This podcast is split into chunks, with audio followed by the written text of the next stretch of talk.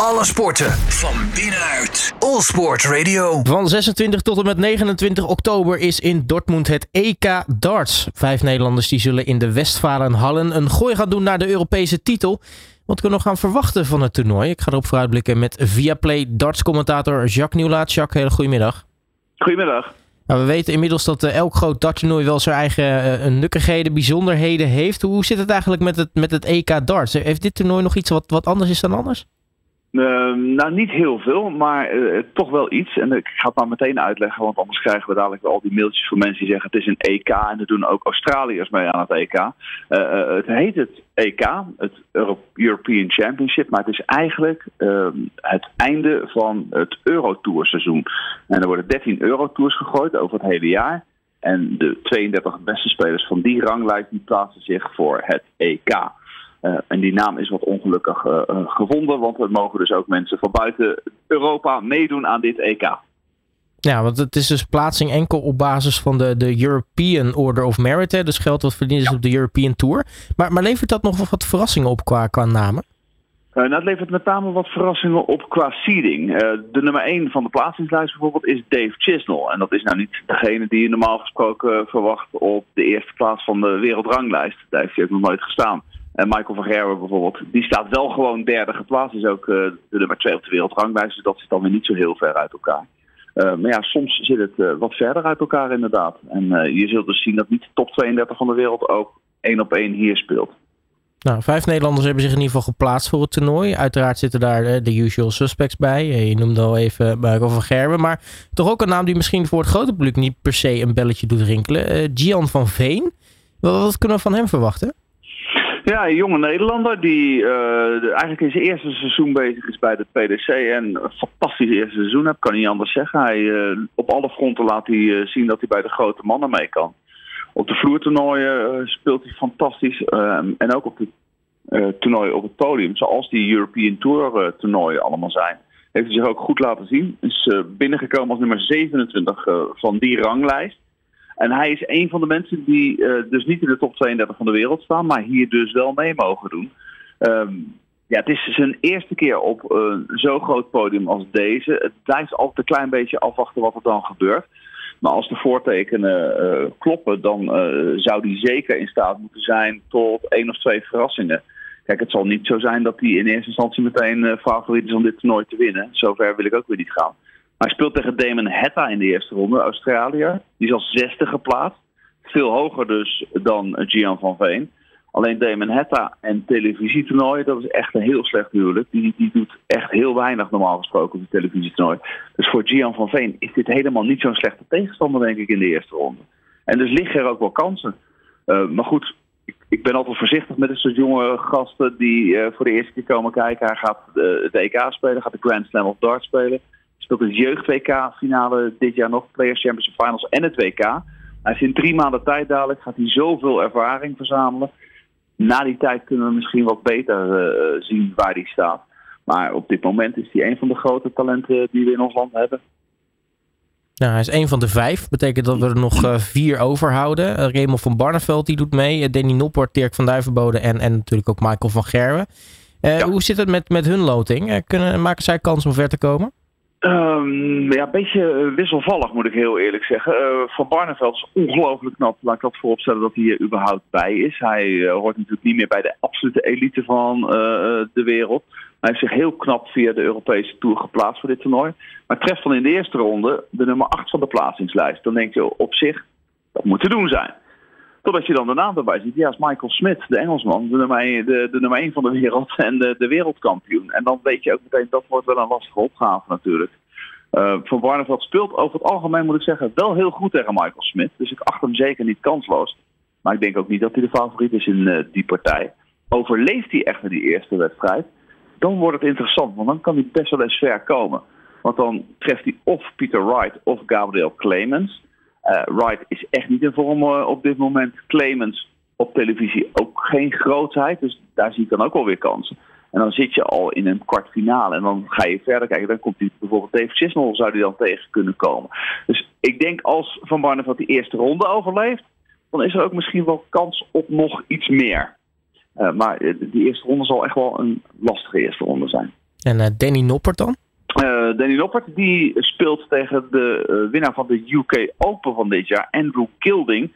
Goldfinger, die ken je misschien nog wel. Een beetje vreemde man is het. Uh, een beetje een eindselganger. Uh, hij houdt van psychologie. Hij luistert naar podcasts daarover terwijl hij staat in te gooien. een hele stille man. Ja, won wel de UK Open. Plaatst zich hier ook gewoon voor dit European Championship. Dus heeft sowieso al een heel goed jaar. Ja, en Danny Noppert heeft in het verleden natuurlijk ook de UK Open gewonnen. Staat hoger op de wereldranglijst dan Andrew Gilding. En is voor mijn gevoel ook wel de favoriet in deze wedstrijd. Want Gilding heeft niet meer de vorm die hij had tijdens de UK Open. Ja, ook Noppert, moet ik heel eerlijk zeggen, is niet in de beste vorm van de laatste paar jaar. Speelt steady, want dat doet hij altijd eigenlijk wel. Maar heeft weinig pieken op dit moment. Toch denk ik wel dat hij normaal gesproken van Andrew Gilding uh, moet winnen. En omdat Noppert gewoon een hele taaie tegenstander voor iedereen is, kan hij daarna ook best nog wel een stukje verder komen. Maar het, het zal lastig worden voor Noppert, denk ik, dit toernooi.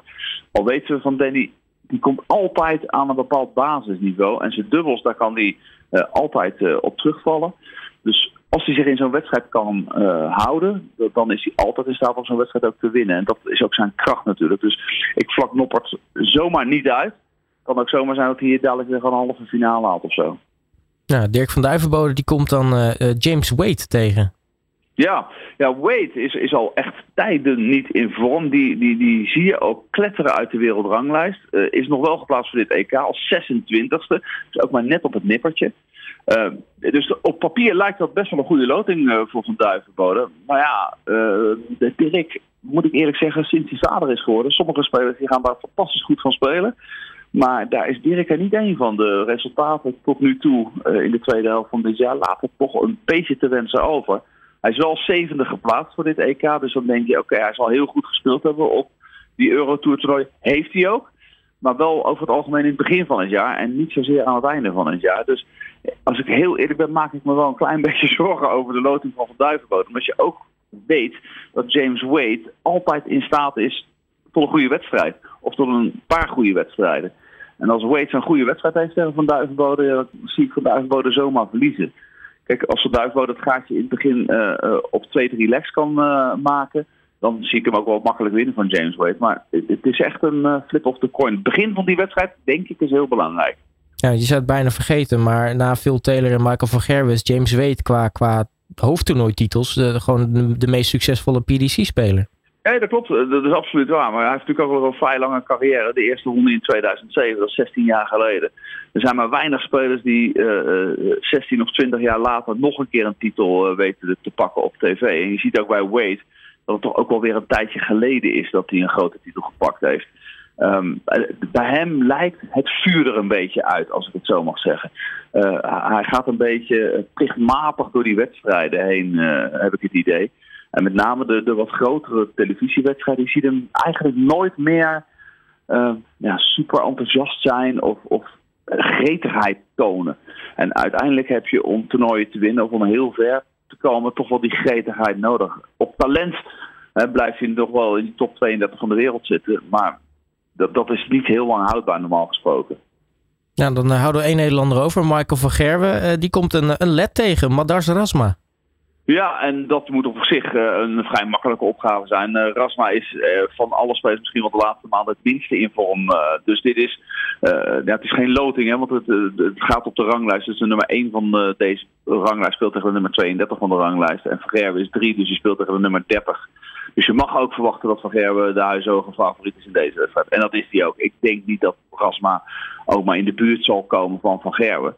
Uh, maar daarna volgt wel een uh, interessante volgende ronde. Want dan speelt hij of tegen uh, Ross Smit, dat is de verdedigend Europees kampioen. Of tegen Ricardo Pietreczko. En Pietreczko is een Duitser, dus die speelt sowieso voor eigen publiek. En die won het laatste Eurotour toernooi. is dus in topvorm en versloeg op dat toernooi. Onder andere Michael van Gerwen. Dus ik kijk misschien nog wel meer uit naar de, naar de tweede ronde van Van Gerwen dan naar de eerste ronde ja, als je alle cijfers op een rijtje uh, legt, dan is van alle spelers die er meedoen aan dit toernooi van Gerben. Ik kan me niet anders voorstellen, ook bij de boekmakers weer de huishoge favoriet om dit uh, toernooi te winnen. Um, de titels worden dit jaar wel heel erg verdeeld. En de laatste paar jaren eigenlijk. Van Gerwen is zeker niet meer zo dominant als dat hij dat een paar jaar geleden was. Maar als iedereen uh, zijn vorm haalt, dan blijft Van Gerwen in mijn optiek gewoon nog steeds de beste speler van de wereld. En dan moet hij dit toernooi dus ook kunnen winnen. Uh, hij heeft natuurlijk in het verleden ook al wel bewezen dat hij dit uh, toernooi goed aan kan. Won hem vier keer op rij tussen 2014 en 2017. maar ja, ook dat is, zeg ik dan ook met alle respect weer. 2017 is ook alweer lang geleden. Hè? Dus, ja. het is ook nog niet zomaar gedaan dat hij dit toernooi wint.